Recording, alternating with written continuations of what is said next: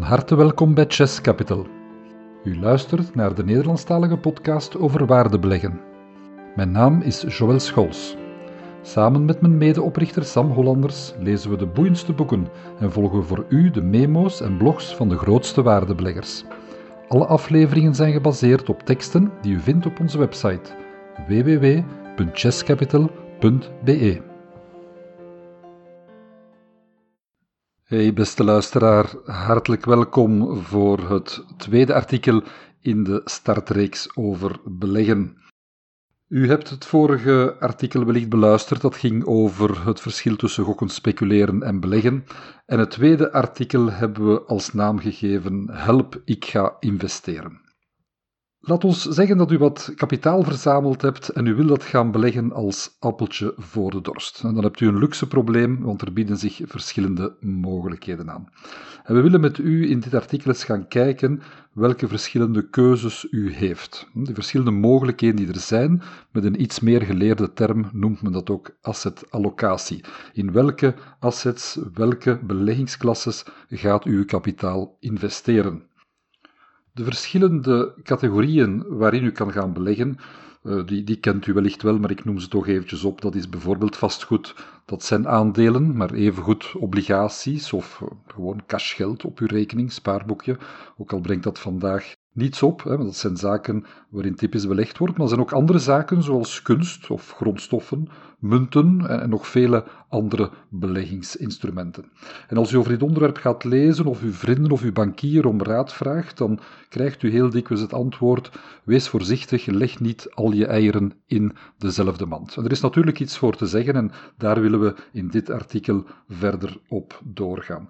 Maar wat zeker is, dat is dat de manier waarop je die verdeling gaat doen, die gaat toch wel zeer bepalend zijn voor het rendement dat je gaat halen op de lange termijn.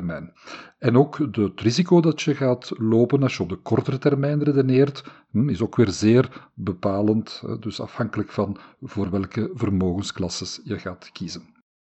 Eerst en vooral wil ik het eerst even hebben over de investeringen die in eerste instantie geld kosten, maar geen rendement opleveren. Dat is toch een interessante categorie om allereerst te bekijken, want hier hebben we het over zaken die heel dikwijls in de hobbysfeer zitten.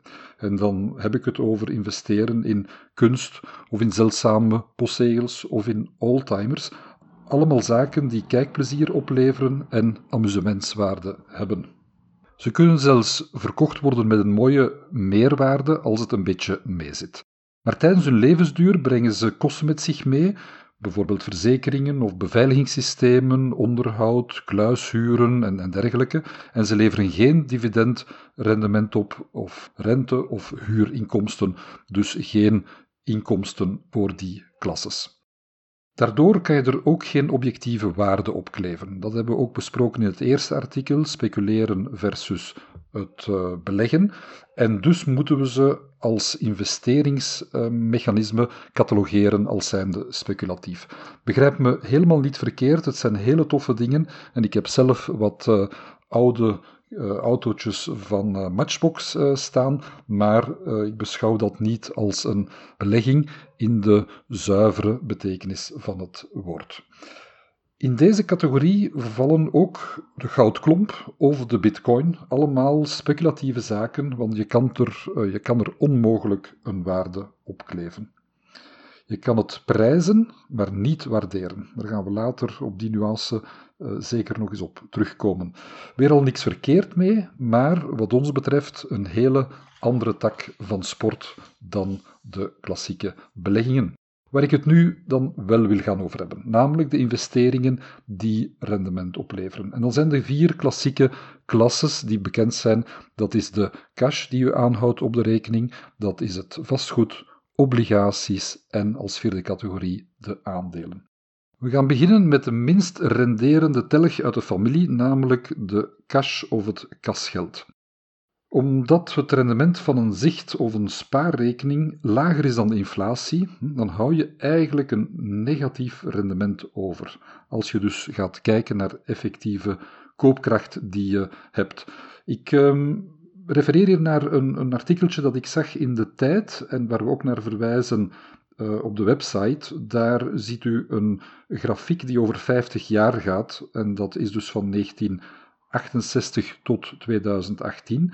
En daar kan je bijvoorbeeld zien dat wie 50 jaar geleden een 100 euro zou belegd hebben in cash, gewoon geld op de, op de bank, dat je daar in koopkracht vandaag, dus na verrekening van de inflatie, nog 20 euro van overhoudt. Dus de inflatie vreet aan de koopkracht, dat weten we allemaal, maar het zijn toch wel spectaculaire cijfers.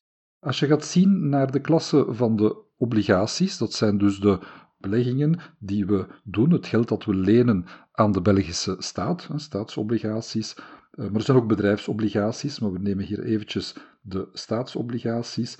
Dan zien we dat eh, de netto-opbrengst over 50 jaar, over een lange periode, 4,5% is. Netto na inflatie.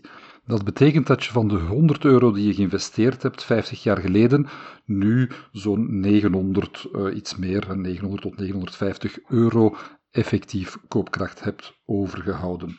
Wanneer we gaan kijken naar vastgoedcijfers, um, we gaan dan alles verrekenen, namelijk ook de kosten en het netto huurrendement dat je hebt bij vastgoed, dan uh, zie je dat je in dezelfde grote orde uitkomt dan obligaties. Moet je ook gaan rekenen dat je van die 100 euro zo'n 900 à uh, eh, 1000 hebt gemaakt.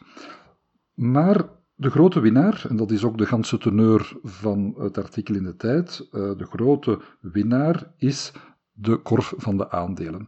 Wanneer je de aandelen gaat bekijken, en hier wordt de BEL 20 genomen, onze Belgische beursindex, die, wanneer je het op uh, wereldschaal bekijkt en zeker gaat vergelijken met Amerika, het nog niet als, uh, als, als beste doet, hè, dat is duidelijk, maar toch zie je dat je een 6,5% rendement overhoudt wanneer je gaat beleggen in aandelen. Wat maakt dat die 100 euro in 68 er ongeveer een 2800 is geworden 50 jaar later.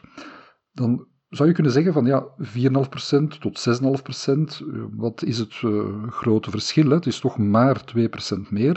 Maar dan ga je natuurlijk kijken naar de samengestelde interest. Al die opbrengsten jaar per jaar worden herbelegd en dus speelt de samengestelde interest iets wat Einstein trouwens het achtste wereldwonder noemde.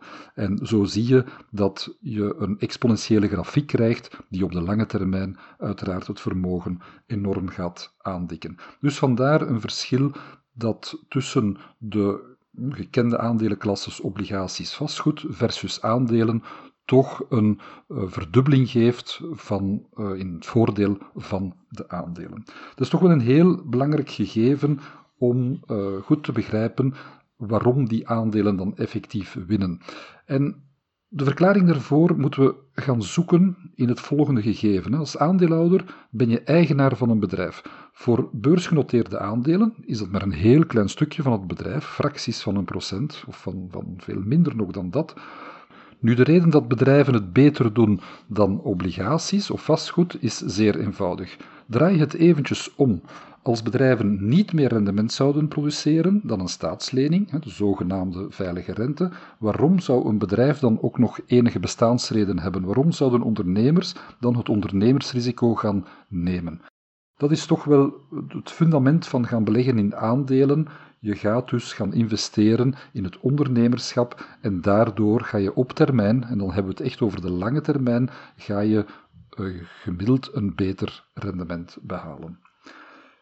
Anno 2020 zijn we bovendien opgescheept met extreem lage rentes, quasi nulrentes, en de kans dat die situatie onveranderd blijft voor langere periode is toch wel vrij hoog. Dus in dat scenario gaan de obligaties het zeker niet geweldig doen en is er voor de bedrijven eigenlijk maar één zaak te doen, dat is het net een beetje beter doen, net een beetje winst maken, om het zo te zeggen, om het beter te doen dan obligaties. Wanneer we gaan kijken naar de bepalende factoren in de keuze van de uh, beleggingsstrategie, dan zijn er een aantal zaken die gaan uh, meespelen en die zeer belangrijk zijn om in acht te nemen. En ik heb het dan over beleggingsstrategie. Dus voor alle duidelijkheid, wanneer we over vastgoed gaan, gaan, gaan praten en bijvoorbeeld, als u denkt dan spontaan aan een tweede verblijf aan de kust als een goede investering, dan is dat prima voor mij. Dan is dat onder de categorie persoonlijk genot, familiegenot, met kinderen, kleinkinderen naar de kust gaan. Dat is prima. Maar dan zijn we niet aan het kijken naar het zuivere beleggen. Dus puur beleggingstechnisch is dat een andere categorie voor mij, omdat we daar de genotsfactor meetellen. Wanneer het puur over beleggen gaat, dan zijn er voor mij twee zaken die een zeer doorslaggevende factor hebben. Dus wanneer je gaat beleggen, dan moet je in eerste instantie kijken naar de tijdshorizon die je hebt.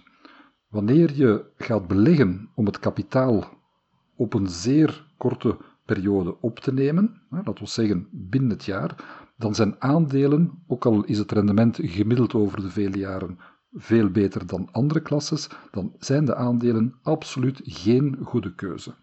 De prijsvorming op de beurs is gewoon veel te grillig. Dat is wat we noemen volatiliteit. En op veel plaatsen, op veel websites, als je artikels leest daarover, over het begrip volatiliteit, dan wordt de volatiliteit beschreven als de vijand. Iets wat te vermijden is en wat beleggen in aandelen zeer risicovol maakt. Sam en ik, we zijn het daar fundamenteel mee oneens. Volatiliteit op zich is geen risico, op voorwaarde dat uw beleggingshorizon voldoende lang is.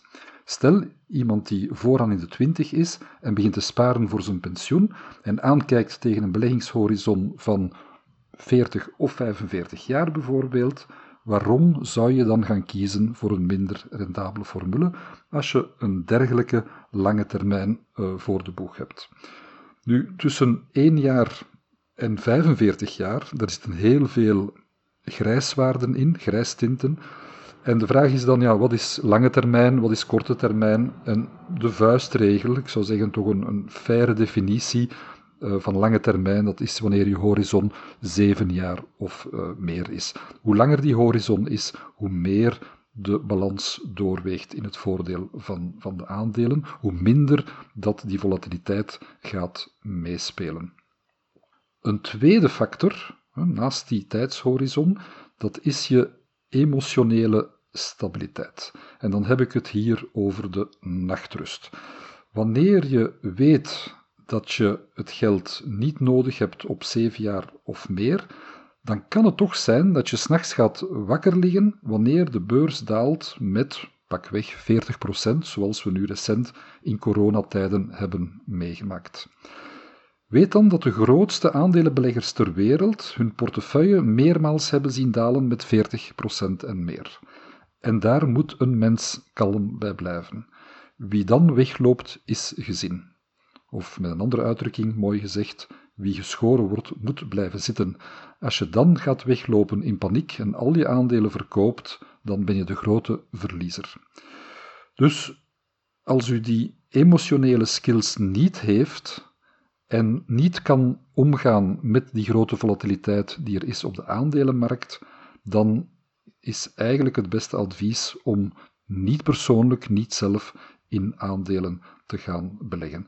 Want ik herhaal het nog eens, het allerslechtste wat je kan doen, dat is in een volle beurscrash de portefeuille van de hand doen gaan verkopen. Dan is het volgende punt diversifiëren. Um, wanneer je dus ja, die verschillende klasses hebt, vermogensklasses, hoe ga je een portefeuille verdelen? Diversifiëren, daar zeggen we ja tegen, maar met mate. Je leest dikwijls dat je niet voor één vermogensklasse het best kan kiezen, maar je kapitaal dus gaat verdelen. Gesteld dat je de luxe hebt om dat te kunnen doen, en dat je over voldoende beschikt om over meerdere klasses te kunnen gaan beleggen. Nu, wat ons betreft is het eenvoudig voor Sam en voor mezelf, omdat bedrijven de grote winnaars zijn op de lange termijn, gaan wij voluit voor aandelen. Wil niet zeggen dat we daarnaast nog het appeltje voor de dorst niet hebben, uiteraard, maar rekening houdend met de besproken tijdshorizon is voor ons de keuze voor aandelen eigenlijk zeer evident.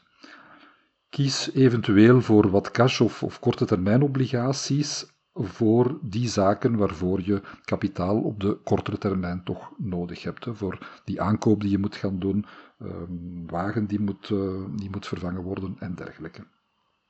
Diversifiëren binnen de portefeuille van aandelen is wel uitermate zinvol. Als je je centen in één aandeel steekt, dan kan dat tot financiële drama's leiden door met ja, heel wat mensen te praten. Iedereen kent de verhalen, zeker de iets ouderen onder ons, die al hun centen toevertrouwd hebben aan de technologieparel van destijds, een Lernout en Housepie of het zogenoemde goede huisvaderaandeel van, van Fortis. Ja, dat zijn toch kleine en grote financiële rampen die zich dan hebben voorgedaan. Dus niet doen, dat is de boodschap, maar hoe breed moet je dan gaan diversifiëren? Daar bestaan heel wat theorieën over, is al heel wat over geschreven, maar wij vatten het zo samen. Als je een tiental bedrijven zeer goed kent, en dan bedoelen we echt extreem goed, dan kan je voor dat beperkt aantal gaan. Veel KMO-bedrijfsleiders die hebben hun centen in één bedrijf zitten. Dat kennen ze niet alleen extreem, extreem goed, maar ze hebben ook nog eens een controlerende meerderheid, dus ze kunnen ingrijpen op elk moment wanneer dat nodig is. Die controlerende meerderheid, die heb jij niet, dus dat is een nadeel die je hebt als belegger in beursgenoteerde aandelen. Nu wordt er ook dikwijls gejongleerd met uh, de grote namen, Jeff Bezos, Bill Gates, uh, Mark Zuckerberg. Uh, dat zijn ja, mannen die al hun uh, middelen en, en gans hun levenswerk gestoken hebben, al hun energie in één bedrijf, en dat zijn natuurlijk de bekende namen. Er zijn natuurlijk evenveel of meer ondernemers die die toppen niet gehaald hebben. Maar die namen worden dikwijls opgevoerd vanuit de optiek, eh, toch voor een stukje terecht ook van die mensen hebben maar in één bedrijf belegd. En dus uh, kijk eens hoe ver je daarmee kan, kan komen. Dus zoals gezegd, een tiental bedrijven, dat is een, een goed idee als je die zeer goed kent. Je kan voor meer gaan, uh, 15, 20, prima. Maar eentje aan een dertigtal bedrijven komt in portefeuille, dan wordt het toch wel zeer moeilijk om ze goed op te volgen. Dan hangt het er een beetje vanaf hoeveel tijd je er wil insteken, hoe, hoe hard je voor dit hobby, want dat is het voor een stukje toch ook gaat uh, als, als belegger.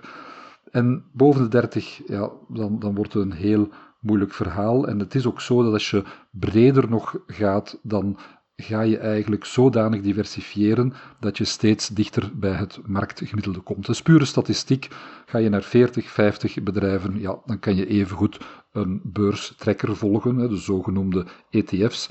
Aan een heel lage kost kan je dan uh, met één trekker veel aandelen in je portefeuille nemen, of een drie tot vijftal holdings die je dan koopt uh, op het moment dat ze een dipje hebben. Ja, goede holdings, waarvan we in België toch wel een aantal hebben. Ook dan ben je al voldoende gediversifieerd.